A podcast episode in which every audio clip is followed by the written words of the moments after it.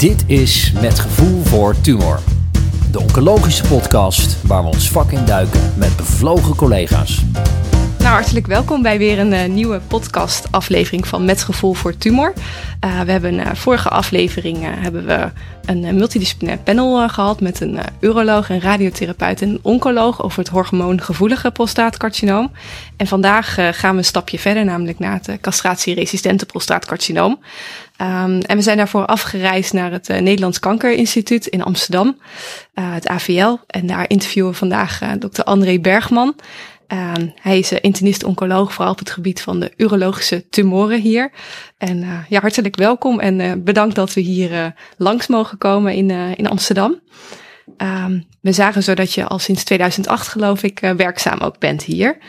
Um, en uh, naast de prostaat doe je ook uh, blaas- en zaadbalkanker, klopt dat? Nou, dat is een beetje waar ik mee begonnen ben. Met name met, met blaas. De had altijd wel een, een, een blaasinteresse. Prostaatinteresse toen ik kwam was er eigenlijk niet of nauwelijks. Dus mijn eerste uro-oncologische werk was, was op blaasgebied.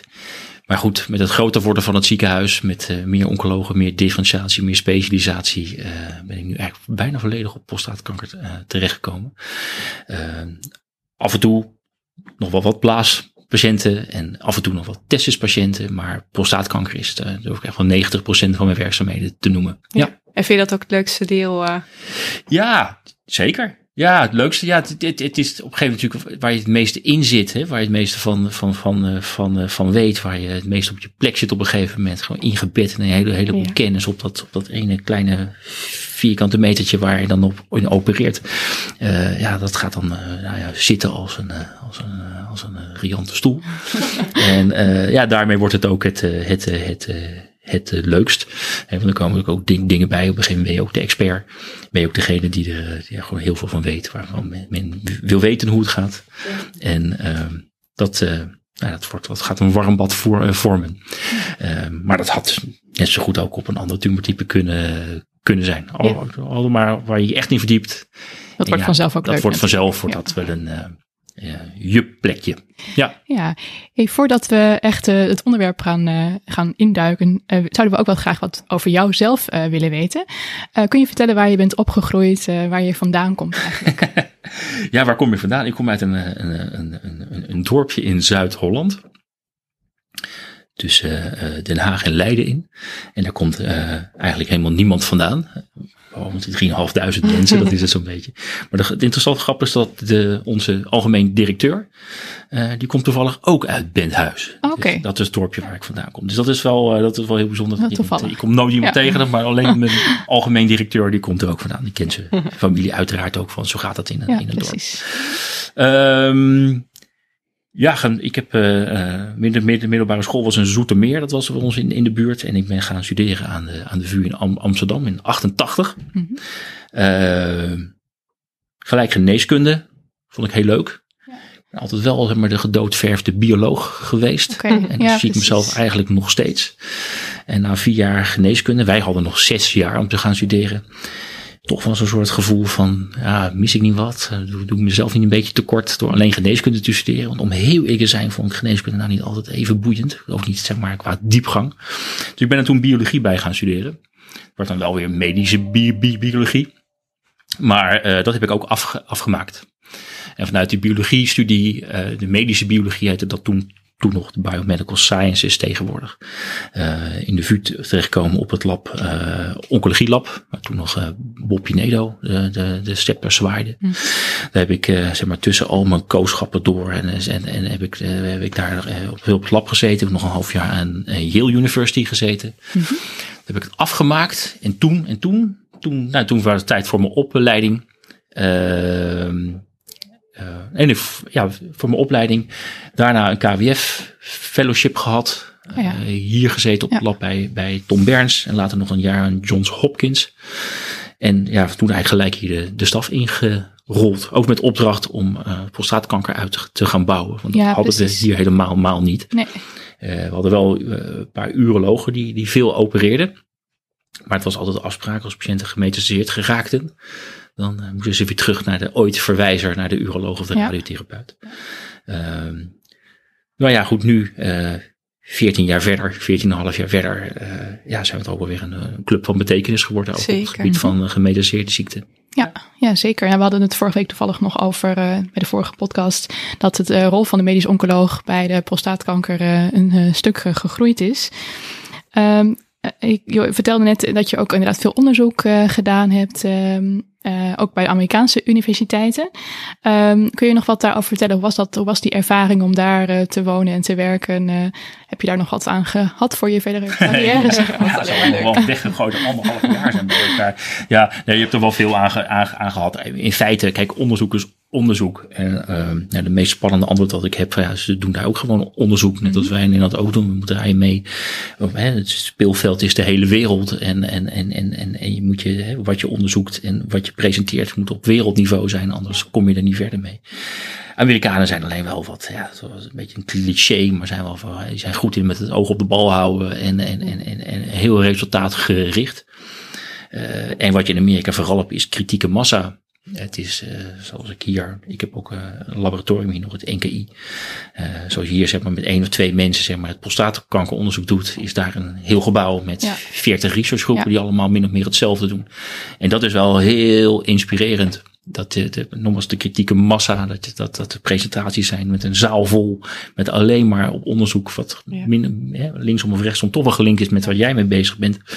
En uh, ja, die input, ja, voel je gewoon dat het opgestuurd ja. wordt. En dat is eigenlijk het belangrijkste wat ik ervan uh, uh, geleerd heb. En waar ik ook voor pleit om het hier te doen. Maar hm. prostaatonderzoek met één keer blijft toch vrij klein. Ja. Zijn je collega's vandaag ook wel eens hier geweest toen? Of uh, uiteindelijk ook in Nederland op bezoek geweest. Ik heb uh, enkele van de Amerikaanse collega's die zijn ook weer hier, hier geweest. Ja, ja. ja. Vonden die dit ook inspirerend? Of, uh... Zeker, ja, ja. Ik was het niet vinden. Ik ken de Amerikanen altijd ja. be beleefd. Maar nee, ik vond het mooi om te zien hoe wij het hier, hier, hier doen. En ja, het is alleen op een wat andere, andere schaal. Ja, zeker. Ja. En ik zag ook, een, je had ook je cv meegestuurd. Ik zag een indrukwekkende lijst ook publicaties. Is er nou één onderzoek of onderwerp waar je het meest trots op bent uh, of waar je het hardst voor gewerkt hebt? Je bent altijd het meest trots op je laatste pu publicatie. En uh, die hebben net uh, echt een, een, translationeel onderzoek. Dus wat we in de patiënten, we hebben eigenlijk een studie gedaan in patiënten. Echt met als doel om te kijken, om daar materiaal te krijgen. Om te kijken van hoe het nou ongevoeligheid voor enzalutamide, een antihormonaal middel, hoe dat nou verloopt. Dus het doel was eigenlijk niet eens om te kijken van werkt het in de patiënten nou ja, goed, uiteraard hebben we daarna gekeken. Maar eigenlijk het hoofddoel was eigenlijk van wat gebeurt er nou met kankercellen als je ze in een patiënt, hè, anders dan in een potje of in een muis, maar in een patiënt als je drie maanden lang met enzalutamide behandelt. Wat we deden, we hebben patiënten die uh, uh, een, een hoog risico prostaatkanker hadden. Daar bedoel ik mee een lelijke, Mm -hmm. een grote tumor uh, of een paar klieren erbij die toch nog in aanmerking of net nog in aanmerking komen voor lokale behandeling.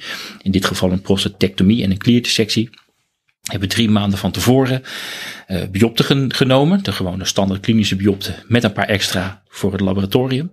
Drie maanden lang behandeld met dat enzalutamide. En daarna, na de prostatectomie, hè, dus dat het eruit gehaald is, weer extra biopten genomen. Dus je hebt ja. een prachtige set ja. van 52 patiënten, 55 patiënten. Waarvan we voor en na biopte hebben. En dan gekeken van hè, welke factoren, ander, androgeenreceptor zelf, maar ook zeg maar pioneer factors zoals dat heet bij de androgeenreceptor en factoren die laten zien waar het DNA open is voor transcriptiefactorbinding, hè, want androgeenreceptor is ook een transcriptiefactor.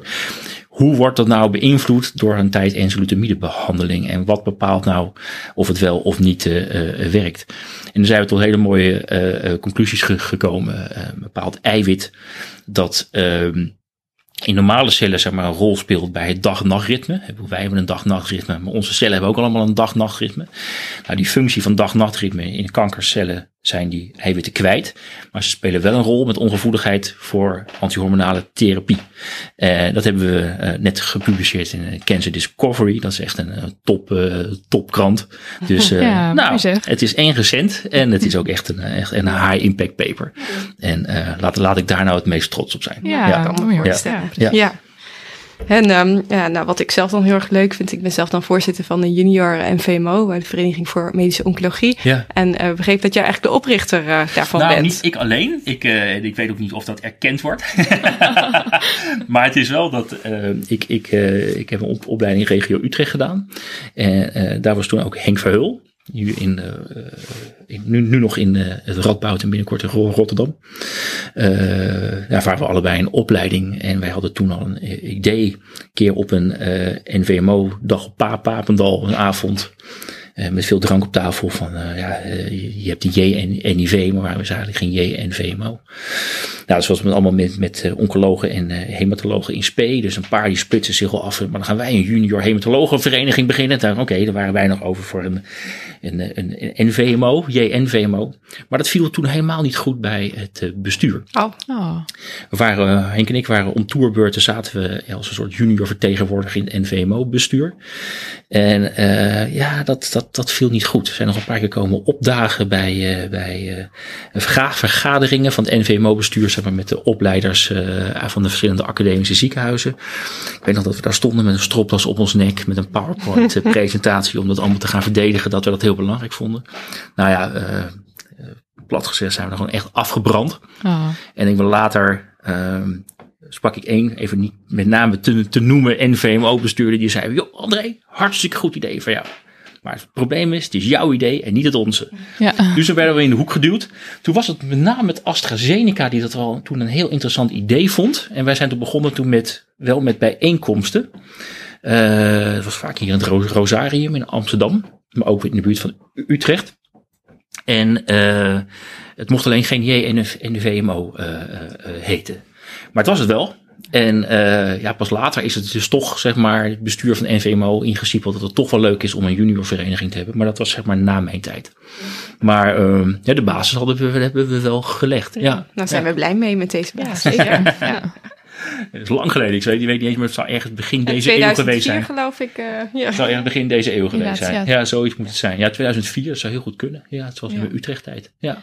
Um, naast je nou ja, onderzoekstaken en natuurlijk ook je kliniek uh, doe je ook nog een aantal uh, richtlijnen en zit je ook in internationale adviesraden. Mm -hmm. uh, en we zagen dat allemaal en we denken, hoe doe je dat eigenlijk allemaal? Hoe krijg je al die tijd? hoe kun je dat allemaal met elkaar combineren? Ja, nou ja, het NKI is natuurlijk wel, NKI AVL is wel een beetje een bijzonder ziekenhuis. Hè. Mm -hmm. dat, dat, dat, heeft natuurlijk een beetje als enige categorale kankercentrum in het land hè, wel een, een bijzondere status. En daar wordt nog wel, tot nog wel een beetje rekening gehouden hebben met, met de indeling van je werk. Ik heb zeg maar een deel, uh, de helft de tijd kliniek en de helft van de tijd on onderzoek. En in het onderzoek ik heb nog de AIO's ook in het laboratorium zitten. Zijn biologen, die komen echt nooit hier. Ik denk dat ze hier nog nooit geweest zijn hier op, de, op, op, op deze staf, uh, staflaag. Uh, dus ja, bij elkaar zie ik eigenlijk twee ochtenden in de week zie ik patiënten. Ik heb niet de, de, de negen dagdelen van de periferie. Uh, en dat geeft wel wat, uh, wel wat, uh, wat ruimte. Maar goed, zoals iedereen wel weet, kan je je dagen ook vullen met heel veel vergaderen en allemaal dat soort dingen. Dat doe ik dan ook. maar ik moet wel zeggen dat het, vooral het onderzoek doen, dat komt eigenlijk altijd, gaat dat altijd weer naar achter. En dat is vaak wel avonduren en, ja. en, en, weekenden. Toch veel ook in de vrije tijd. Uh, ja, nou ja, dat is ja, ik weet niet. Hobby, hè? Je dat vrije tijd kan, kan noemen. Maar dat is, dat is echt wel eh, zoeken en veel richt, richt, richtlijndingen. En, en, eh, en eh, die zijn vaak toch ook in de avonduren. Dus uh, ja, nee, deze week ben ik geloof ik ook weer één avond thuis en de rest ben ik aan het werk. Het is trouwens niet altijd zo. Het is vlak voor de, voor de vakantie. Ik, ik heb ook nog een gezin en dat, en dat houdt maar wat graag uh, in balans. In balans. Ja. Uh, dat, dat, dat, gaat ook, ook goed. Maar dan af en toe moet er wel even thuis op de rem getrapt ja, worden. Precies. Ja, ja. en terecht. Daar hebben ze helemaal gelijk in. Ja. Nou, mooi. Um, ja, ik denk we hebben al heel veel over je geleerd. Aan het einde hebben we ook nog uh, wat vragen uh, voor je over je persoonlijke leven. We wilden eigenlijk overgaan naar het onderwerp van deze podcast, namelijk het castratieresistente prostaatcarcinoom. Mm. in de vorige aflevering hadden we al even genoemd dat prostaatkanker is de meest voorkomende kankersoort. 12.000 mannen ongeveer per jaar die gediagnosticeerd worden, waarvan 1 op de 5 ook al gemetastaseerd is bij de diagnose. Ja, en bij de diagnose zelf betreft het natuurlijk altijd een hormoongevoelig prostaatcarcinoom nog bij de onbehandelde patiënten. Um, vandaag hebben we het over het castratieresistente, dus hormoonongevoelige prostaatcarcinoom. Wat is nou daar de definitie van? Ja, nou ja, definitie is het uh, is uh, uiteraard het, de progressie van de ziekte, ondanks een adequaat onderdrukt testosteron. Ehm, daar heb je studiedefinitie van. En dat is uh, wat, wat zeg maar voor inclusie van studies. Hè, wanneer mag je iemand castratieresistent mm -hmm. noemen? We hadden gezegd van dat je een, een testosteron moet hebben van onder de 0,5 millimol per liter. En als je dat hebt, moet je dan twee PSA-stijgingen hebben van boven de 2 nanogram per milliliter. Maar goed, als je dat aanhoudt, en dat doe ik meestal maar, uh, want het heeft vaak niet zo heel veel zin om het, om het nou precies vast te leggen wanneer dat moment nou is, zeker als de patiënt geen klachten heeft. Maar dan zie je het vaak soms al een half jaar aankomen. Zeggen, nou, het is nu 1,9, het is nog steeds geen 2. Nou goed, de patiënt vindt het dan ook, uh, kan er ook wel weer mee leven. Dat er, nu hoeft er gelukkig nog even niks. Maar in de tussentijd kan wel het besef in dalen dat we weer wat moeten gaan toevoegen aan de therapie. Maar zo wordt castratieresistentie uh, uh, gedefinieerd. Ik vind het wel interessant, toen, toen ik begon met prostaatkankerbehandeling was het nog hormoonongevoelig prostaatcarcinoom. We dachten toen echt nog dat als je zo'n laag testosteron hebt en de ziekte is progressief, dan zal, zal die prostaatkanker gewoon helemaal geen testosteron meer nodig hebben. Die heeft andere mee. Die heeft, alle andere heeft de, de, de AKT-pathway en, en, en, en, en, en, die heeft pitenverlies en alles staat allemaal, allemaal aan. En die heeft helemaal geen testosteron meer nodig. Is pas echt de afgelopen twintig jaar, zeg maar, nou twintig niet eens, tien, dat echt het besef is ingedaald van... Uh, dat is helemaal niet, uh, niet, uh, niet waar. Gewoon die ziekte is juist hypergevoelig voor testosteron. Dan heeft maar dat hele kleine beetje nodig. Daar komt ook die onzalige kreet castratieresistent vandaan. Dat een gekke, gekke kreet is. Ik bedoel, ga dat voor een patiënt maar ja. uitleggen. Uh, maar het dekt wel beter de lading dan hormoonongevoelig. Want het is juist niet hormoonongevoelig. Ja, maar zo wordt het in, de, in het uh, instituut voor studies gedefinieerd. En, en als je ook moet aangeven wanneer het moment dat het castratieresistent is, dan hou ik dat altijd aan. Ja. Precies. Hey, en dan zeg je van het ziet het eigenlijk al langzaam stijgen. Stel dat je inderdaad dan hebt vastgesteld dat het om een uh, castratieresistent prostaatkanker uh, gaat. Um, wat doe je dan? Doe je dan nog een keer een, een scan of ga je, um, ga je dan nog andere nog beeldvorming herhalen om te zien of er, of, of, er inderdaad uitzaaiingen zijn of hoe. Hoe, hoe doe je dat? Ja, nou ja, vraag is een beetje of daar nou een generiek antwoord op, op is. Uh, je moet dan wel kijken, wat ga je, hè, stel dat je wat wil gaan doen, wat ga je dan, wat ga je dan, uh, dan, dan doen? En is de patiënt die tegenover je zit wel een patiënt bij wie je zo'n behandeling nog wil gaan in, uh, inzetten? Iemand die helemaal geen klachten heeft en de testosteron en het PSA dat lopen langzaam op. Dan denk je van nou, Laat maar lopen. Kunnen we nog wel eventjes afwachten. Ja. En, en, langzaam is ook van die definitie voor. Uh, dat is een heel zwarte, zwarte, zwarte wit. Denken in verdubbelingstijden. Mm -hmm. Dan heb je appjes op je telefoon, dan kan je al die waarden intoetsen. Maar dat is een beetje onzinnig, want je weet als het nu 8 is, dan ga je terug. Wanneer was het 4? Dat ja. is ongeveer je verdubbelingstijd. Ja, precies. En uh, dat is ook accuraat voldoende. Maar bij geen, geen klachten en, en een verdubbelingstijd van 6 zes, zes maanden is het uh, rustig aan. Maar goed, als je toch wat uh, wil, hè, toch, of er zijn klachten sowieso, of en of het PSA loopt heel hard op, dan wil je toch nieuwe foto's. En wat voor scan doe je dan? Want de ja. urologen vragen natuurlijk met liefde altijd de PSMA-PET-scans aan. Ja. Zij als oncoloog vinden dat wat lastiger, omdat daar veel meer op gezien wordt natuurlijk. Ja, ja. Nou ja, wat je, wat je zegt, uh, urologen zijn dol op de PSMA PET-scan en dat kan je ze niet kwalijk nemen. Ik bedoel, als je curatief bezig bent, dan wil je gewoon precies weten van, hè, ben ik niet patiënten aan het opereren die al lang gemetastaseerd zijn. Dus uh, PSMA PET is een fantastische toevoeging, dat, daar heb ik geen kwaad woord over. en voor een uroloog of een radiotherapeut is het natuurlijk nogmaals, heel belangrijk of je weet of je echt, of de ziekte lokaal is en dat je hè, daar waar je behandelt ook de ziekte goede kans hebt. Of in ieder geval zo'n goed, hè, naar beste ere geweten kan zeggen, deze patiënt heb ik een kans ja. om beter te maken. Maar in de uh, resistentensetting? Ja, nou ja, dat, daar, daar heb ik wel mijn twijfels over. Ik weet dat er ziekenhuizen in het land zijn die al lang de, de, de achaïsche skeletscan de deur uh, uitgewezen hebben. Waar ik me ook wel wat bij kan voorstellen. Maar of de PSMA PET-scan dan de, de, een, een goede opvolger is, dat vraag ik me werkelijk af. Daar zou ik heel graag nou eens een keertje data van willen, willen zien. En het, ik ken eigenlijk niet heel veel initiatieven in de wereld die daar nou echt serieus mee bezig zijn. Vind ik wel jammer, um, want dat, ik denk dat dat heel erg uh, uh, uh, relevant is. En het andere, veel formelige punt is dat, zeg maar, dat alle behandelingen die we hebben, hè, we beginnen met een behandeling, de, de selectie van patiënten voor de studies, is allemaal gedaan met CT en skeletscan. Ja. ja. Is dat dus ook wat in het AVL gedaan wordt bij deze patiëntengroep? Uh, ja, we maken nog CCT en skeletscan. Ja, het is een draak van een scan, die skeletscan. Ik kan echt niet anders zeggen. Ik bedoel, je schop, schop tegen je schenen. Je hebt een zwarte vlek op de skeletscan. Ja. Het, is, het, is een, het, is, het is een drama, maar het is wel, zoals alle patiëntenstudies ook zijn gedefinieerd, uh, heet het geïncludeerd in studies. Dus uh, wat je krijgt met PSMA PET-scan is gewoon, ja, zoals het heet, een stage migration. Je gaat iets veel vroeger inzetten, waarvan je eigenlijk niet weet of je daar nou een patiënt mee helpt. En dat is wel een potentieel gevaar. En ik stoor me wel een beetje aan het gemak Waarmee ook collega-oncologen gewoon zeggen van eruit die skeletscan, we maken wel een PSMA PET-scan. Ook moet ik zeggen, die hebben vaak ook hebben per mail te horen gekregen dat er geen skeletscans gemaakt meer worden. Dus die hebben er ook maar gewoon mee te dealen. Dus ik zal niet al te hard zijn in mijn oordeel. nee. En is er ook nog ruimte voor een nieuw biopt of nog een keer een nieuwe PA verkrijgen of doen jullie dat eigenlijk nooit? Nou, het castratieresistente stadium hoef je nou niet echt te twijfelen aan de, de diagnose, naar mijn mening.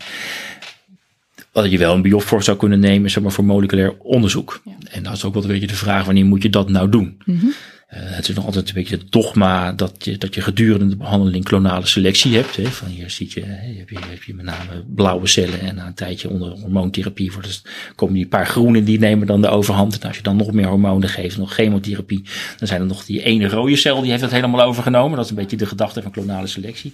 En daarmee ook zeg maar selectie van mutaties. Ja. En uh, dus hoe later je prikt, hoe groter de kans hebt dat er een verworven mutatie uh, bij komt. Ehm, ja, het is wel wat magisch gedacht. En het is ook onpraktisch. Want uh, ik heb, ja, bekend dat ik menigmaal ook een patiënt een biopt heb aangedaan.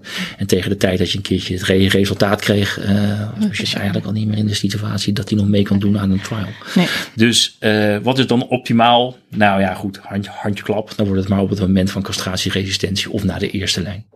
Dan neem je een biopt voor nou ja, voor wat voor een DNA-onderzoek je ziekenhuis ook ter beschikking heeft. Wij doen hier whole genome sequencing. Mm Dat geeft je ontzettend veel data. Voor 99,9% heb je er helemaal niks aan. Voor onderzoek is het prachtig. Voor onderzoek is het prachtig.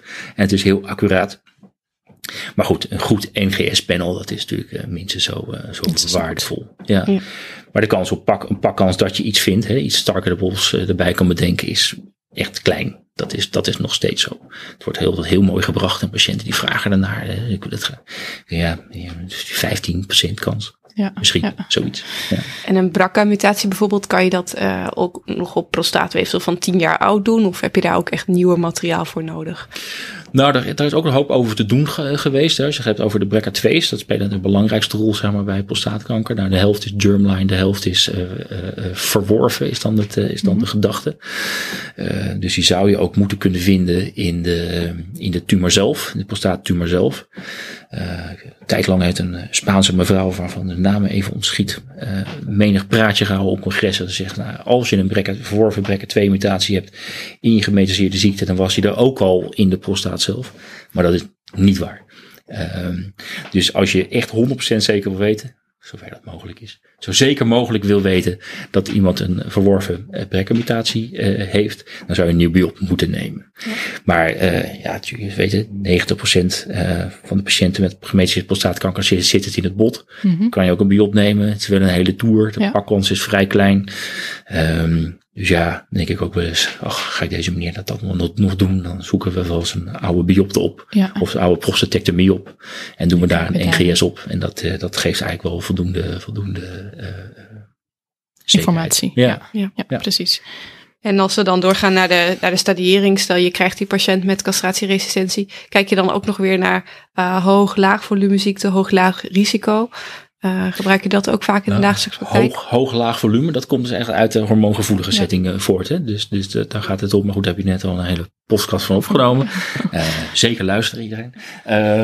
Hè, daar gaat het zeg maar over van dat, dat, de risicoclassificatie. Hoe, hè, de risico gaat het dan over hoe groot is de kans dat je snel faalt of faalt op de hormoontherapie.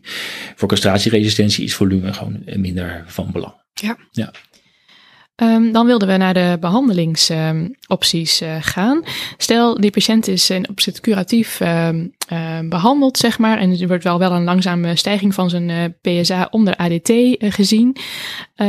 maar er zijn op de nou ja, CT-scan en de botscan die we dan gemaakt hebben geen aanwijzingen voor uitzaaiingen. Um, ga je dan toch starten met behandelen of ga je, dan nog, uh, ga je dat dan nog aankijken? Kun je nog gewoon watchful waiting doen? Uh, hoe pak je dat aan? Ja, dat, zal, nou, dat is zeg maar, de, de, de, dat, dat, dat, dat, dat raakt op een, aan de, de, de relatief nieuwe entiteit uh, niet gemetastaseerd castratieresistentie. Ja, dat is natuurlijk een, een beetje flauwkul verhaal. Natuurlijk, dat bestaat helemaal niet. Ja, en, en, en dat is meer een soort, ja voor de industrie om weer een nieuw middel in de markt te ja, middel weer in de markt te zetten op een plek waar we eigenlijk nooit aan gedacht hadden. Nu speelt het zeker in Nederland geen rol, want onze urologen uh, starten relatief laat met het starten van antihormonale therapieën. Vaak bij voorkeur echt wel bij, uh, bij uitzaaiingen, niet alleen maar op basis van het PSA. In de VS zijn ze er veel sneller mee. ik vind dat slecht. Het is niet in patiëntsbelang. Maar, dus in Nederland zien we het sowieso heel weinig. Maar je komt het wel eens tegen. En er zijn studies geweest, uh, die patiënten die dan non-metastatic castration resistant waren, mm -hmm. op basis van skeletscan en een CT-scan, die hebben nou, meer dan 90% heeft op de PSMA PET-scan wel metastase. Ja, dus het is een beetje een kul. Uh, uh, ziekte. Eigenlijk is die groep er bijna niet. En is er nog een rol voor uh, radiotherapie of voor toch nog iets wat de uroloog kan doen ook in die groep? Nou, naar, naar mijn mening uh, uh, niet. Ze zijn ook castratieresistent. Hè. Bestralen kennen we uit de hormoongevoelige stadium. Ja. Bijvoorbeeld Stampede H, dat je de low volume volumestof bestaat op een prostaat. Maar hier is daar geen, uh, geen enkel bewijs voor. Dus zeg maar de, de behandelingen die de EMA hebben gepasseerd, zeg maar, voor deze in, indicatie, ja, die halen het niet in Nederland. Nee, en we geven, ik, ik ken ook niemand in het land die deze mensen patiënten, patiënten behandelt. dus ja, het antwoord is, die mannen hebben dus ook geen klachten hooguit lokale klachten. En dan kom je toch weer toch, toch bij lokale behandeling uit. Die zou je eventueel kunnen bestralen op de prostaat. Of is dat nou ook niet 1, 2, 3 gezegd dat, dat, ze, dat, dat je ze daarmee in dienst bewijst. Maar zonder klachten wacht je af. Er is ook geen indicatie hè, voor een van de behandelingen die we hebben. Niet voor de abiraterol, niet voor enzyme, niet voor doosdoxel. Voor non-metastatic disease. Dus... Uh, Nee, de Europese richtlijn die schrijft natuurlijk nog wel de aplutamide en de enzalutamide onder andere voor deze patiëntengroep. Maar uh, dat is ook alleen uh, metastasevrije uh, ziekte ja. wat je verlengt en ja. geen overall survival. Nee, maar het is wel een mooi eindpunt dat is inmiddels ook wel erkend hè, met, met tests free survival. Maar nogmaals, de patiëntengroep, ja, de definitie die, nee. die, die, die is gewoon weinig relevant. Ja. Nee. Nou, dan kunnen we de niet gemetastaseerde uh, castratieresistent prostaatcarcinoom snel achter ons laten. Ja. Uh, want we hebben vooral natuurlijk heel veel vragen over de uh, gemetastaseerde setting. want er zijn de afgelopen jaren heel wat middelen ook bijgekomen. voor ons is dat de vraag, wat is nou de juiste volgorde? Wanneer doe je dat? Bij welke patiënt kies je waarvoor? Um, we wilden eigenlijk beginnen met een korte casus. een 55-jarige man die um, behandeld wordt met enzalutamide upfront. En daarbij sprake is van een stijgend PSA. En uh, hij krijgt ook klachten. Um, blijkt ook botmetastase te hebben op de scan. Uh, uitbreiding daarvan. Uh, ja, wat gaan we dan doen? Dus hij heeft zeg maar up, upfront enzalutamide gekregen. En nu loopt het twee. Hij is dus en enzalutamide resistent en hij is castratieresistent dus in, uh, inmiddels. En we zien alleen botmetastase. Ja, wat gaan we dan doen? De meest uh, uh, voor de hand liggende antwoord is uh, chemotherapie. Alternatief zou radium 223 kunnen zijn, wat we in Nederland nog vrij veel geven. Zit alleen wel met die EMA-uitspraak, naar aanleiding van een, van een nogal dramatisch verlopen, verlopen studie, dat je beter radium na do doostaxel geeft. Dus als je daaraan houdt, is doostaxel dan de behandeling van keuze. Ja, vanwege de beenmergproblemen die je anders krijgt. Ja. ja, precies. Ja, want dat misschien nog even goed om dan toe te lichten. Uh, hè, want radiumbehandeling kan inderdaad uh, langdurig beenmergproblemen geven met ook lage uh, leukocyteaantallen. En daarom is het dan fijner om eerst die chemotherapie te geven en dan pas eventueel behandeling met radium. Ja, dat, dat, die, die, die, die PRAC-recommendatie van de EMA ging meer puur over, over, over veiligheid en dan niet specifiek op het B-merk. Dat komt uh, doordat er een, een, studie is geweest met radium en, en, en abiraterol samen, die nogal dramatisch is uh, verlopen met nogal veel botcomplicaties. En daarom hebben ze gezegd van, ja, ik vond het tamelijk radicaal en ik weet ook niet eens of ik het helemaal met ze eens ben, maar dat ze hebben gezegd dat radium in die vroege stadium toch beter wat later komt. Okay. Want in de studie die radium, meerwaarde van radium aantonen, de, de, de die heeft, uh, dat waren allemaal patiënten die hadden eerst radium en dan docetaxel, of eerst docetaxel en dan radium. Dat is eigenlijk allemaal na docetaxel, maar als patiënten dat toch niet konden hebben, dan mochten ze het ook gelijk krijgen. Dus je kon eigenlijk meer geven voor of na docetaxel. Maar de EMA heeft het dan eigenlijk uh, als advies, zo gezegd, zet het dan wat later in, wegens mogelijke niet te overziene uh, complicaties van die behandeling. En als je kon kiezen, verwacht je dan ook meer winst van de docetaxel dan van de radium? Ja, weet je, dat, dat zijn natuurlijk de vragen die opkomen als het gaat over wat kan je nou best het beste doen. Ja, er is geen enkele head-to-head vergelijking en, en de overal survival winsten zijn allemaal drie of vier maanden. Uh, dus er valt eigenlijk niks zinnigs over te, te zeggen. Nee. Uh, ik vind radium op zich als bijwerking veel prettiger middel dan dozen taxel. Wat het weer wat minder populair maakt is natuurlijk dat je geen echte aanvoelt. Hè? Of, het nou, of je nou iets goeds doet aan die. Hè? Want het PSA dat loopt vrolijk, vrolijk op. Uh, alkalis fosfatase zou dan een surrogaatmarker moeten zijn. Maar ja, je hebt ook soms patiënten die hebben wij geen alkalische fosfatase hebben, hè, nauwelijks verhoogd. Dus dat, is, dat maakt het weer wat, wat onplezieriger. Uh, maar ja, eh, ik hou dan maar de EMA-recommendatie aan. En dan zou ik zeggen, doe eerst doostaxel en daarna overweeg uh, radium. Ja. ja. En als de patiënt nou op upfront doostaxel had gekregen hm? en daarna castratieresistent werd, wat, wat zou dan je keuze zijn? Dan zou ik radium geven. Ja, ja. Niet, alternatief als cabazitaxel was ook nog een optie geweest. En ik bedoel meer, zou je dan niet al kiezen voor enzalutamide of abiraterol uh, als de patiënt upfront doostaxel had gehad? Oh, je bedoelt alleen doostaxel? Ik dacht ja. doostaxel had en dan enzalutamide. Nee, bedoel nee. dat? Oké, nee, alleen doostaxel had uh, gehad. Nee, dan zou ik eerder weer met een antihormonaal middel gaan beginnen. Je wil het toch een beetje afwisselen. Weet je, we kunnen wel zeggen, we hebben zoveel voor prostaatkanker. We hebben doostaxel, we hebben cabazitaxel, we hebben abiraterol, we hebben enzalutamide, we hebben apalutamide, we hebben, we hebben radium. Het klinkt allemaal geweldig, maar eigenlijk doostaxel en cabazitaxel hetzelfde. Ja. Enza, apalutamide, linksom of rechtsom, doen ze exact hetzelfde. En radium is dan een enige vreemde eentje erbij. En die heeft er net een, een, vriendje erbij gekregen, dat heet 177 lutein PSMA, wat nog niet zo heel beschikbaar is. Dus ja, eigenlijk hebben we maar drie, ja. drie mhm. middelen. Ja. En, en, en, en, en, en daar, die moet je sequencen. Die moet je zeg maar in een beetje verstandige volgorde uh, uh, zetten. Want die middelen kennen allemaal natuurlijk een, een, een kruisresistentie, omdat ze dus linksom of rechtsom hetzelfde doen. Uh, het enige uitzondering erop is misschien dat je best ook zelf vlak na dooscel kan geven. Juist omdat in de Tropic-studie, hebben we het over een studie uit 2010, in een tijd dat er eigenlijk nog helemaal niks was, hè, dat cabazitaxel met mitoxantrone werd, gecombineerd, werd vergeleken. Dat het er juist op bleek dat de meeste winst van die cabazitaxel zat bij die patiënten die binnen drie maanden al progressie hadden naar dosis taxel. Dus oh. nou, daar zou je dan kunnen zeggen, iemand die niet meer, niet of niet meer reageert op doositaxel, ga maar verder met cabazitaxel. Ja. Maar en enzalutamide moet je echt uit elkaar houden. Uh, als je het al allebei wil geven. Ja, ik dacht ook inderdaad dat het niet van toegevoegde waarde was om ze na elkaar nog een keer weer te geven. Vlak achter elkaar heeft geen enkele, enkele, enkele, enkele zin. Uh, dat is aangetoond in, in heel veel retrospectieve studies. Er is één prospectieve studie uit de groep van, uh, van, van Chi in uh, Vancouver. Maar goed, die gaven het echt wel heel bot achter elkaar. Ik heb nog steeds het, het, het, het, het, het, ik hang nog steeds de religie aan dat je best allebei kan geven. Maar er moet gewoon wat heel veel tijd tussen zitten. Ja. En ja, je kan je voorstellen, die prostaatkankercellen die zijn verslingerd aan dat testosteron. Dat kleine beetje wat er in de castratiesetting uh, nog over is. En dan kunnen ze zich best nog verder op aanpassen. Maar het is energetisch waarschijnlijk toch een ongunstige situatie. Alleen maar een situatie die in die, die omstandigheid van nut is. Maar als je zeg maar die allerhoogste, hè, als je het weer terug laat vallen tot alleen je ADT. Dan kunnen ze best wel weer terugvallen in een weer wat gevoeligere stadium. Ja staat. En dat je dan best nog een keer Enza naar Abi of Abi naar Enza kan inzetten. Met name Enza naar Abi. Ja, maar dan wel minstens eigenlijk een jaar ertussen het liefst. Ja, we hebben er wel eens wat onderzoek naar gedaan. En dat hebben we ook wel gepubliceerd. Dat kregen we het net niet significant. Dat is ook niet ja, op bijzondere krant terechtgekomen. Maar het concept, daar geloof ik echt wel in.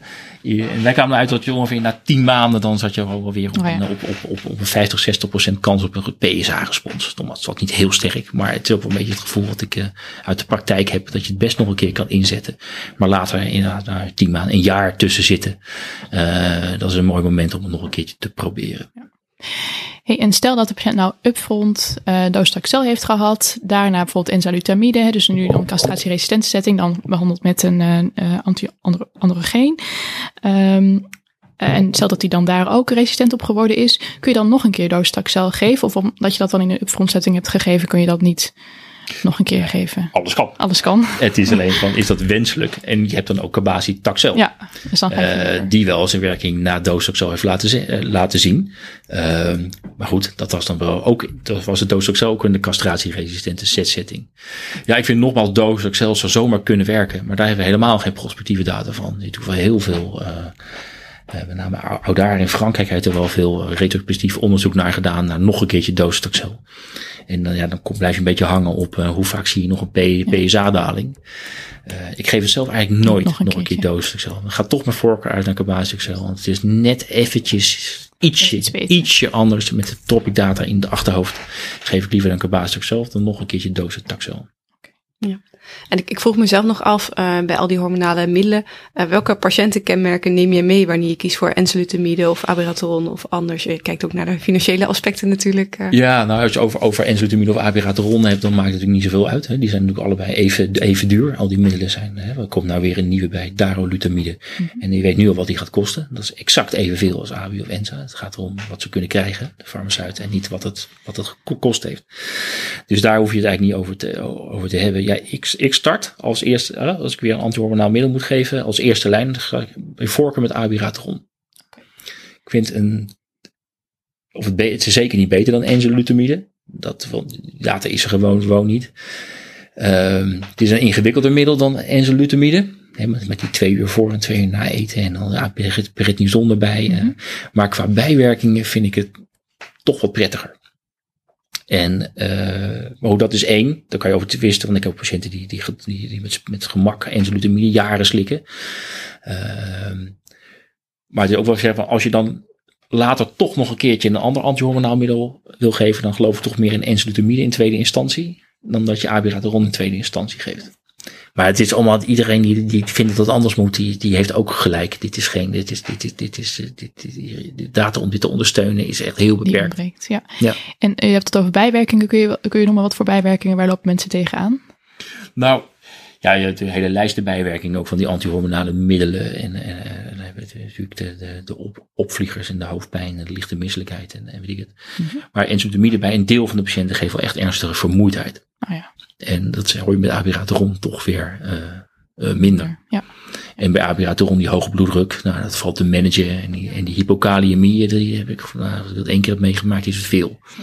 Dus uh, dat valt allemaal wel, wel mee. Dat is nog wel te overzien dan. Ja. En qua suikers gaat dat ook goed met de Ja, verbazingwekkend. Goed, ja, het is, dan is het toch maar 10 milligram per dag. Mm -hmm. Ja, en ik heb eigenlijk nog niemand echt helemaal hopeloos onregeld zien worden met de 10 milligram per dag. Nee, want ik merk in de spreekkamer dat patiënten, zodra je over prednison begint, dan is een soort schrikreactie wat ja. er ontstaat, waardoor mensen toch vaak voor de enzalutamide kiezen. Ja. Um, ja. Maar het valt dus ontzettend mee. Ja, met een beetje uitleg is dat, uh, ik zeg altijd maar van, uh, het is niet de dosering waar je zo'n hoofd van krijgt. En, uh, Nee, nee. Maar, maar hoe dat, als patiënten soms jarenlang abiraterol met die prednison erbij slikken, dan uh, verandert het langzaam wel. Maar vind je ja. die echimose hè, van, die, van, die, van, die, van die dunne huid ja. met, die, met die bloedingen, ja, het is ook allemaal, het is ook allemaal niet fraai. Maar goed, het kan wel heel lang, heel lang, uh, lang werken en dat moet het dan maar uh, goed, goed praten allemaal. Ja.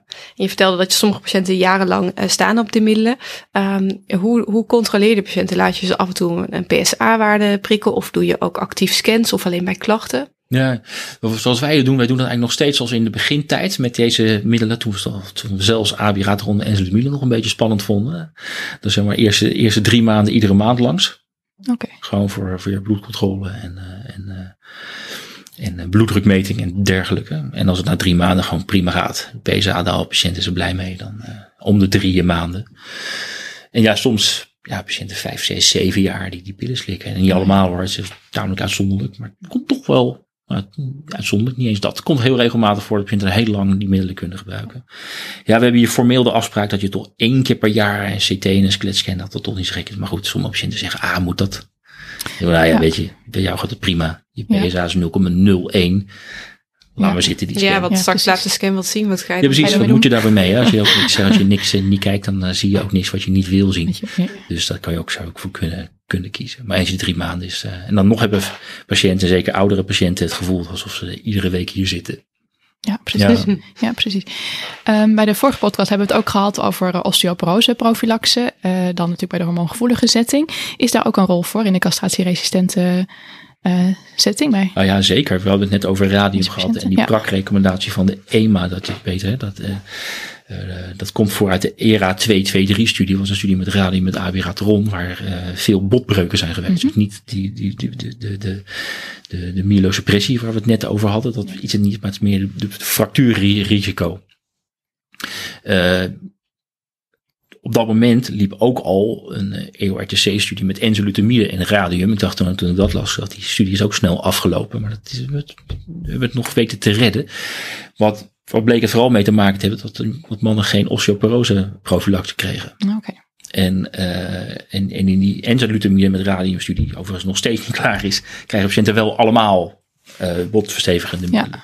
Ja. Dus dat zie ik echt wel uh, een belangrijk punt. Ja, ik, in het hormoongevoelige stadium weten we alleen maar hoe je de mineraaldichtheid op peil kan houden met die middelen. Bijvoorbeeld met de eens per half jaar. Uh, maar goed, hardere data hebben we daar niet van, hardere eindpunten.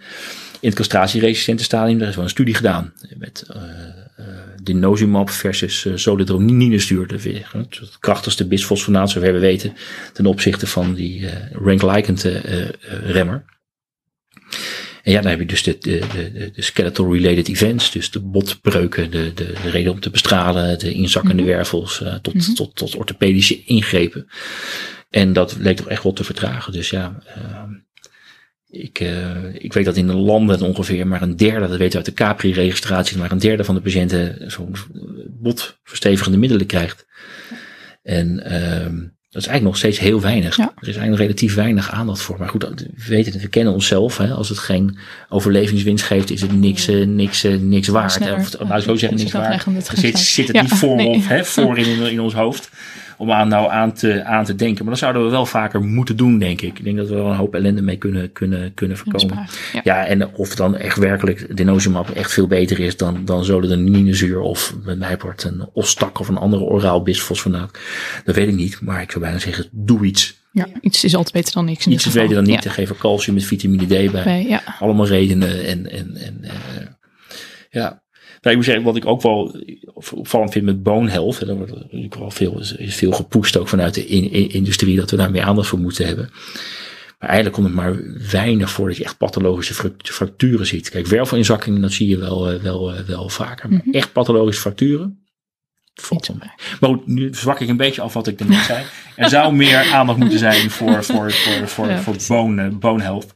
En uh, ik zeg het ook tegen mezelf. En ik denk als ik mijn status nakijk, dat ik heus, heus dan wel een kwart van de patiënten vind die, die potuitzaaiingen hebben en oh ja, helemaal geen, geen, uh, geen, geen mini van die nee. middelen krijgen. Nee. Kan allemaal redenen zijn. Wat je ook wel ziet, en dat vind ik wel uh, dat lijkt je de laatste tijd steeds vaker te zien, maar dat komt omdat patiënten waarschijnlijk steeds langer gebruiken. Want zeker zo'n middel, anti, zo'n monokanaal als uh, antilichaam, zoals de nozimab.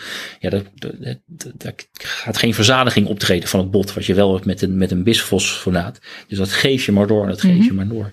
Maar eens, toch wel, eens in zoveel tijd komt er weer een patiënt voorbij die weer bij de kaakchirurg zit, weer ja, met osteo, een necrose van ja. de kaak.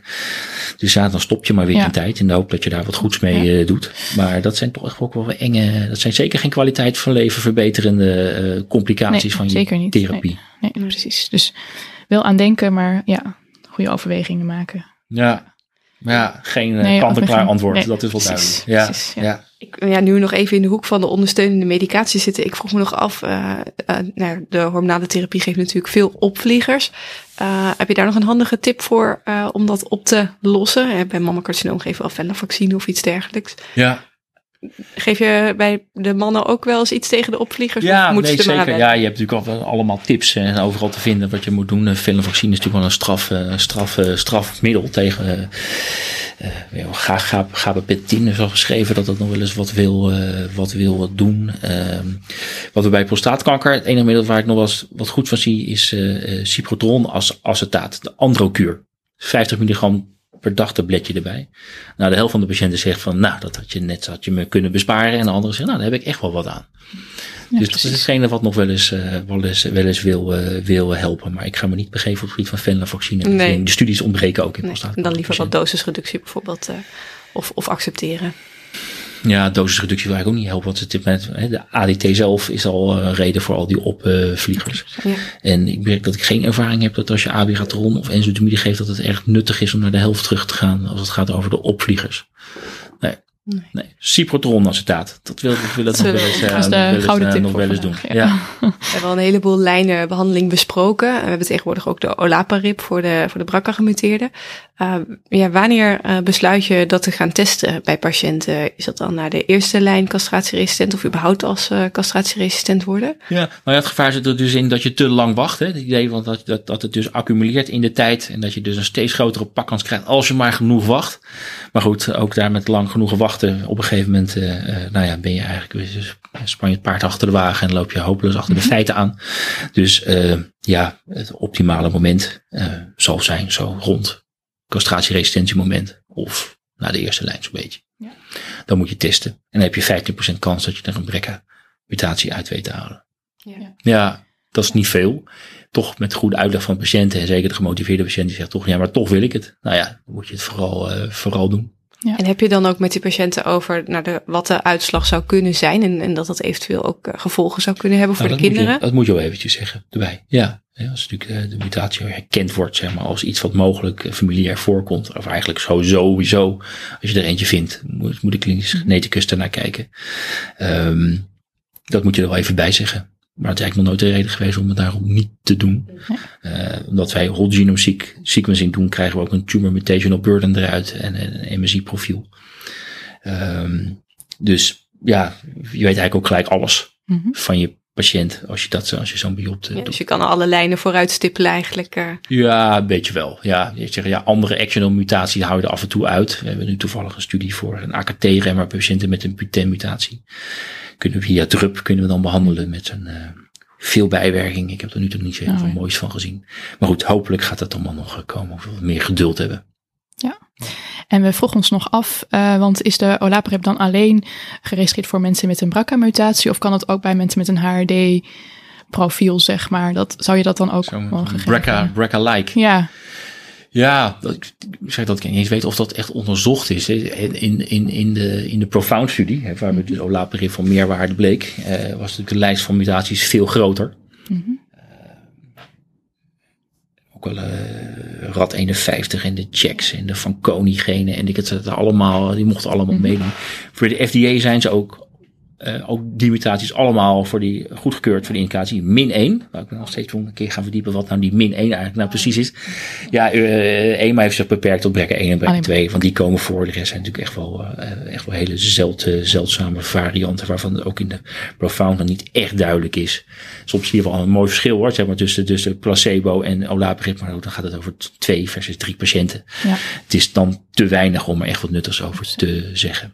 Ja. En in welke lijn geef je patiënten de olaparib? Dan nee. na de radium en de cabazitaxel? Of? Ja, als, uh, als ik het goed zeg, Profound is na docetaxel in één lijn ABI of en, ENZA. En uh, ik vind dat, dat moet je dan ook bijhouden. Daar ligt de Ja, data. dus als derde lijn. Ja, ja. Ja. ja, mag ook later, maar niet eerder. Ja. Hm, dat is duidelijk. Um, Even kijken, ja, we hebben al heel veel uh, lijnen besproken. We wilden eigenlijk een uh, stapje naar voren maken, naar de toekomst toe. Je noemde net ook al uh, het broertje van de radium of het zusje, de lutetium. Mm -hmm. um, ja, het begint nu ook steeds meer mogelijk te worden te komen. Wat kunnen we daarvan verwachten? Nou ja, het is, ik vind het is de Vision Studie is vorig jaar de virtuele ESCO gepresenteerd. Absoluut een, een aanwinst, ik kan niet anders zeggen. Ik ken het natuurlijk al langer. Veel patiënten gingen daarvoor op eigen kosten naar Duitsland. Heb ik al met ledenogen aangezien uh, hoe dat allemaal die mensen daar verdwaalden in de Duitse gezondheidszorg. Uh, wist toen al dat sommige patiënten echt baat bij hadden en sommigen die kwamen terug. Uh, letterlijk tienduizenden euro's lichter, maar totaal geen enkele baat. Dus ik ben altijd wat, wat cynisch en afwachtend geweest. Vision studie laat hem wel een beetje zien wat we eigenlijk wel verwachten in dit late stadium. Hè. Vision was wat laat, ook naar Docexel, AWI, ENZA. Uh, geen wondermiddel. Even grof gezegd, de helft heeft er wat aan. En de andere helft, uh, helft hele, helemaal niet. Uh, wij geven hier in het AVL geven het al een tijd. Uh, ik weet dat ooit in Utrecht, nucleaire afdeling, was die voorop gelopen. Ze hebben een aantal patiënten behandeld. nu met goedkeuring hebben wij er echt, een, een nou ja, op, echt op in, ingezet. De zesde verdieping van ons ziekenhuis helemaal verbouwd. Met meerdere kamers erin om okay. die patiënten te kunnen accommoderen. Ja. Dus we behandelen zo'n zo, zo, zo, tien nieuwe patiënten per, per maand. Ik krijg ook heel veel verwijzingen ervoor. Wat wel bijgezegd moet worden, dat we net iets anders spul geven dan in de Vision studie is onderzocht. In de Vision-studie is uiteraard het, uh, Novartis-middel uh, onderzocht, uh, PSMA 617. Mm -hmm. En wij geven een generieke variant. Dus dat is de PSMA INT. Um, ja, dat geeft wel een zekere onzekerheid hè, van, van GVM. Mag je dat echt wel projecteren op de Vision-studie? Want echt vergelijkende data zijn er, zijn er niet. hebben zeker de Duitsers hebben daar wel een, een, gat laten vallen. Nou ja, met al een ervaring hadden ze het best zeer systematisch kunnen uitzoeken. Maar het is niet gebeurd. Uh, maar ook onze INT kan ook werken. Of het net zo goed werkt of misschien wel beter is dan de 617. Dat weet ik dus helemaal niet. Dus daar zitten we een beetje in duizend te tasten. Dat is ook wel de reden dat wij het zeg maar laat in de behandeling geven. Dus zeg maar als er eigenlijk geen andere opties meer zijn. Dus we krijgen dan veel patiënten verwezen. Maar dan is, mm -hmm. nou, zou radium ook nog kunnen. Dan geven we liever eerst radium en dan ja, pas. precies. Want het kan dus wel dat je eerst radium geeft en daarna alsnog uh, lutetium, Ja. zeg maar. Dat mag wel. Ja, Ja, precies. nou ja, als, als het kan wel. Ja. het allemaal eh, vol, eh, volhoudt, dan is dat, dan is dat, dan is dat, is dat prima. Dus zeker geen exclusie. Maar het is inderdaad, ja, weet je wat, wat we net over hadden, hè, met, met, met al die verschillende antihormonale middelen die eigenlijk allemaal, nou ja, oneerbiedig gezegd, meer. hetzelfde doen. De twee taxanen die hetzelfde doen. eh, en dan radium. En dan, dan is dit wel weer een middel met een unieke werkzaamheid. Ja. Wat je weer kan positioneren tussen je andere opties. In de hoop dat je nog een, een, een gelijke klasse middel ook nog een keer later kan, succesvol kan inzetten. Dus uh, ja, nee, graag. Uh, graag uh, nieuwe behandelingen die iets anders doen dan, dan de andere. Daarmee is olaparib natuurlijk ook een heel bijzonder en heel prettig middel. Dat uh, nogmaals, het aantal patiënten wat je ermee zal behandelen zal beperkt blijven. Maar het is wel heel wat anders dan dat we al, uh, al hadden. En dat is echt hetgene wat we nodig hebben. Ja, ja precies. En de immuuntherapie, is dat ook iets wat er ja, graag. Ja, weet je, alles gaat over immuuntherapie. Alle immuuntherapie alle aandacht en terecht. Ik, uh, ik zit al, ik ben in 1992 ben ik het uh, een laboratorium opgelopen en, en ik heb al heel wat uh, hypes voorbij zien komen. Uh, multidrug res resistance met PGP's en MRP's. Uh, gentherapie voorbij zien komen. Dat alles was gentherapie. Anti-angiogenese. Nou, toen ik in de VU zat was dat helemaal... De baas had toen een Spinoza-premie daarvoor gekregen. Dus het ging alleen maar over anti-angiogenese. Als het niet over anti-angiogenese ging, was het niks waard. Nou, dat is allemaal weer afgezwakt. En tot misschien nog een beetje op de achtergrond nog doorspelende hypes geweest. Immuuntherapie is wel veruit de beste hype die ik ooit voorbij heb zien komen. Want ja, weet je zoals wat, wat dat doet in melanomen. Het is natuurlijk gewoon indrukwekkend een ziekte. Waar in mijn opleiding was dat uh, hopeloos. En nu, uh, nou ja, een deel van de patiënten kan je er echt mee helpen. Niet allemaal, maar wel een belangrijk deel daarvan. Longkanker, blaaskanker is dan wel prachtig. Bij ehm, prostaatkanker, tot dusver, nou, niet al te indrukwekkend. We hebben hier meegedaan aan een van de eerste studies met immuuntherapie in prostaatkanker. Dat was een studie waar patiënten werden bestraald op een botuitzaaiing en daarna ipilimumab kregen. Het was een negatieve studie. Als je naar de curves kijkt, liepen ze toch echt wel een beetje uit elkaar. En er is vorig jaar in European Urology een lange termijn update gekomen. Maar dan zie je zelf al dat het echt zeker in de staart, dat patiënten die ipilimumab kregen het echt wel beter, uh, beter deden dan degene die dat niet kregen. Maar ik heb ook op zelf een paar patiënten gehad, toevallig twee, dat was relatief veel, zeg maar, voor het aantal patiënten wat ik in die studie had, die het echt wel uh, ja, jarenlang goed gedaan hebben op, op ipilimumab. Dus het kan allemaal, het kan wel. Maar wie dat nou precies zijn, dat weten we niet. We hebben ook een studie gehad met pembrolizumab, was een, was een gerandomiseerde fase 2, waar uh, eigenlijk niks uitkwam. Uh, we hebben nu nog een studie heel vroeg met enzalutamide, met, met pembrolizumab voor de hormoongevoelige stadium. Docetaxel met pembrolizumab is net afgesloten. Die zou op ESCO voor een late breaking abstract zijn, maar die is teruggetrokken. Oh. Een uh, veegteken dat dat waarschijnlijk ook geen positieve studie gaat, gaat, uh, gaat zijn. Maar het is nog echt uh, zoeken. We weten wel dat patiënten met een MSI of misschien ook wel met een BRCA-mutatie wel erop goed re reageren. En er zijn echt wel initiatieven in de wereld om nog verder uit te zoeken. Maar ja, jammer dat, dat, dat tot nu toe komt het er niet uit. Nee, precies. Nee, precies. Want je zei net, hè, in de whole genome sequencing, dan komt de MSI, te testen we wel. Maar dan heb je dus, dan stel dat die patiënten MSI high zijn, bij wijze van spreken, dan kun je daar dus eigenlijk nog niet echt een behandeling op geven qua dat je dan kan, eerst kan starten met immuuntherapie. Nee, je hebt van die, van die umbrella protocollen gehad, hè, zeg maar, mm -hmm. dat, je, dat, dat, dat, dat je gewoon een, een, een anti-PDE middel, welke ja. ook mogen zijn, afhankelijk van de sponsor, dat iedereen met een MSI high kon behandelen. Uh, in de Verenigde Staten, bijvoorbeeld voor pembrolizumab, is daar wel gewoon een indicatie voor. Heb je een MSI of een hoge tumor mutational burden, daar hebben we, hebben we het dan over. Dan, uh, dan, dan kan dat spul vergoed worden. Uh, Maar ik hoorde dat het in Europa toch ook wel gaat, gaat gebeuren. Dus dat dat, zou, zou mooi zijn. Ja, het zijn eh, witte raven. Je moet er goed naar zoeken. En als je niet test, dan zie je het niet. Eh, maar als je een keer zo iemand treft, dan, kan het echt wel toch- goed en langdurig rea- reageren. Er zijn wel wat zwaar initiatieven in Nederland waar je wel immuuntherapie kan krijgen voor patiënten met een hoog TMB. Ja. Ook met prostaatkanker. Ja. Oké. Ja. En is er nog een, een rol voor een soort combinatietherapieën tussen chemotherapie en, eh, en bijvoorbeeld enzalutamide? Of geeft dat te veel Geen, toxiciteit? chemotherapie en, en, en lutamide. Nou, we hebben de Preside-studie gehad. Dat was een eh, studie, denk ik al vijf, zes, zeven jaar geïnitieerd. Dat ging er vanuit, toen hadden we erachter gekomen dat, dat een belangrijk deel van je DNA-repair ook afhankelijk is van androgeenreceptor. Dus voor genen die aangezet werden door androgeenreceptor. Dus gedachte, als je die androgeenreceptor remt, dan is je DNA-repair minder en ben je gevoeliger voor dose takcel. Uh, studie heeft hier ook gelopen. Die is uh, laatst bescheiden gepresenteerd, want het komt er niet echt, uh, echt uit. Uh, maar goed, enzalutamide wordt wel gecombineerd met, nou ja, met een radiumstudie, met, een, met radium in een E EORTC-studie. en ja, lutetium zal op dit moment vast ook met enza worden gecombineerd, of met apalutamide of weet ik het allemaal. Ja, die studies lopen allemaal in de, in de wereld. Ja, dus dat, uh... Interessant is wel dat er een, een de Prince-studie, uh, die is ook op ESCO, een update nu op ESCO gepresenteerd van lutetium met pembrolizumab. En dat je daar wel flink wat responders. Okay. Klein, klein, kleine studie, ik ga zeggen, het zal wel selectie zijn. Zal het ook wel zijn. Maar dat is, het ziet er wel hoopvol, uh, hoopvol uit. Dus wie weet, ja, we zitten natuurlijk echt te hopen dat we ook immuuntherapie voor prostaatkankerpatiënten gaan geven. Maar zonder meer geven zoals bij de andere type, de type waar we van kennen dat het werkt. Ja, zo eenvoudig zal dat niet uh, zijn. Nee, precies. Maar we houden de hoop erin. Quick for. Nou, we hebben ontzettend veel besproken en dus heel veel ontwikkelingen geweest de laatste jaren. En waarschijnlijk de komende jaren zullen er vast nog nieuwe mooie dingen ook bij komen. Um, ja, we zijn aan het einde van het, uh, van het onderwerp van deze podcast. En we willen nog even terug ook naar, naar de specialist zelf op het gebied, om daar wat vragen aan te stellen. En daar hebben we een vaste rubriek voor, dat heet Quick For. Vier vragen waar je ja, kort antwoord op mag geven. En de eerste vraag is, wat is je grootste passie buiten het ziekenhuis? Buiten het ziekenhuis. Nou, uh, poeh, uh, kort antwoord. Uh, nou, zeg maar, mijn gezin. En ik hou gewoon van buiten zijn. Buitensport. Ik loop wat graag met mijn rugzak rond. Zit op mijn mountain, mountainbike. En ga nu ook weer van de zomer gaan we kanoën in Zweden. Dat, dat, dat soort dingen. Dat vinden we heel leuk.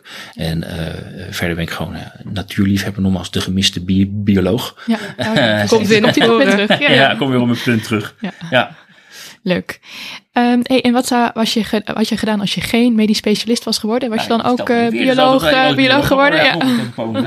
Ja. Uh, waarschijnlijk wat, ja, was zeker bioloog geworden. Maar ik, ik, heb nu ook biologie gestudeerd, want dat was heel medisch georiënteerd. Maar dan zou ik denk ik met veel plezier uh, plantkunde, taxonomie, ecologie ja, vak hebben gevolgd. Ja, precies. Dan wel meer de plantkunde, niet per se alle beesten bestuderen of dat soort. nee, ja, nee. Op mijn, mijn, mijn grote interesse is vogels. Vogels. Ik, ik okay. kijk ook vogels. Dat is bijna niet te zeggen. Dat klinkt oh, zo ontzettend ja. nerdig, maar het is wel waar. Ja, precies. Nou, ook leuk, toch? Ja, kan je vast ook heel programma kunnen ze je voor uitnodigen. Ja, ja. ja het is helemaal heel, sinds COVID is vogels kijken hip geworden. Ja, precies, precies. en wandelen in de natuur. veel langer dan dat. Ja.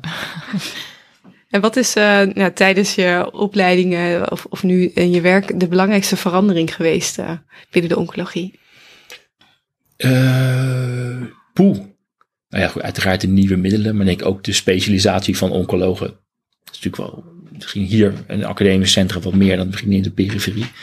Maar het is wel, iedereen zit steeds meer op zijn eigen eiland. En, uh, en, er moet af en toe voor gestreden worden en verdedigd worden.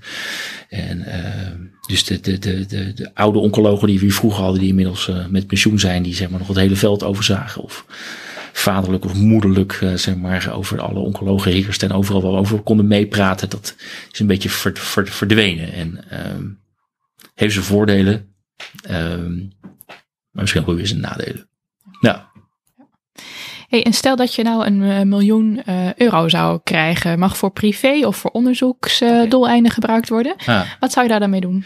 Nou, voor on onderzoek, wat ik nog steeds fascinerend vind, is het ook helemaal als ik werk in de lab met een ander, genreceptor, het transcriptiefactor, de belangrijkste transcriptiefactor in prostaatkanker. En ik vind altijd zo indrukwekkend hoe ontzettend goed dat werkt in prostaatkanker. Patiënt geen hormoon naïef is, bedoel, het werkt meer dan 9 van de 10 keren. Zie je het van zo'n bak ellende met hoge PSA, zie je naar bijna tot niets redu reduceren. Dus eigenlijk wat ik altijd zeg, we hebben helemaal geen tekort aan goed werkende middelen voor prostaatkanker. We hebben één zo'n middel wat zo goed werkt, heb je eigenlijk, zou je genoeg aan moeten hebben. Maar waren het dat die resistentie optreedt. Dus er wordt ontzettend veel geld besteed aan, aan, aan, aan, aan, aan, aan studies naar nieuwe middelen. Maar eigenlijk kan je veel beter zeggen van hoe gaan we nou dat ene middel wat we hebben, wat zo verschrikkelijk goed werkt, zorgen dat het geen twee of drie jaar werkt, maar, maar 30 jaar. jaar ja. ja en uh, ik zou daar, en nou, dat, dat, artikel waar ik zo enorm trots op ben, dat ik je net vertel, dat gaat er ook mee over, zeg maar, hoe, hè, wat gebeurt er nou in zo'n cel waardoor die uh, ongevoelig wordt voor die testosteron, hè, die andere receptor remming. Um, ja, dat moeten we gewoon uitwerken. Want het is natuurlijk veel mooier om patiënten een beetje pillen te voeren naast, een anti, naast laag testosteron. Waardoor ze zeg maar, ja, toch een, hun leven kunnen voltooien. Ja, Dan heb je een chronische ziekte. Ja, ja, nou, dat, artikel dat is allemaal voor allemaal, uh, allemaal lezen uh, zo meteen. Um, ja. uh, heb je ook nog een praktische tip voor de luisteraar om om te gaan bij patiënten met een prostaatcarcinoom? Ja, praktische tip. iedereen die die patiënten wel eens ziet, die weet dat je wel wat geduld moet hebben. Uh, niet altijd uh, zinkt uh, alles helemaal in. Mm -hmm. het zijn toch wat andere patiënten dan andere patiënten. Je, je moet ervan houden. Het is een, het is een, het is een, een, een specifiek smaak die je ervoor moet, moet hebben. Ehm, ik denk als we, ja, tip is ja, wat het woord, maar je moet je ook wel heel erg goed focussen op de partner van patiënt. Ja, precies. En daar, en daar is, ja. daar is eigenlijk nog veel te weinig aandacht voor. Want het is verschrikkelijk voor de, de man of vrouw die hoort bij een prostaatkankerpatiënt. Uh, hoe je toch, uh, nou ja, je vent van vent ziet verdwijnen in een uh, ja, gecastreerde, gecastreerde ja. iemand. Ze kennen ze gewoon niet, niet meer terug. En je ziet gewoon dat die relaties, het kan heel goed gaan, maar mm -hmm. het kan ook helemaal scheef lopen. En ja, mijn tip is eigenlijk, als je echt goed voor je patiënt wil zorgen, dan moet je ook die partner ook er goed bij betrekken en daar ja. oog voor proberen te hebben. Moet je uitkijken dat het niet alleen maar over die, uh, over die part, part, partner gaat. Nee. Maar uh, om daar toch wel, daar wel oog voor te, voor te hebben. Want dat is nog steeds een, een, een, ondergeschoven, een ondergeschoven kindje, een ondergeschoven leed. Ja, een heel groot, heel groot leed. Ja. Dus uh, ik weet niet of je nou als dokter daar in je eentje daar nou in de spreekkamer nou het grote verschil kan maken. Maar iets erkennen is denk ik al heel veel waard. Ja, precies. Een hele goede tip, ja, denk ik. Vind ik ook. Ja. ja, we vonden het super leuk om hier op de specialistenvleugel van het uh, AVL uh, vandaag te zijn. Ontzettend bedankt uh, voor alle kennis die je ons hebt overgedragen. En ja, heel erg bedankt. Ja, graag, graag gedaan. Dit was Met Gevoel voor Tumor. Dank voor uw aandacht en tot de volgende aflevering.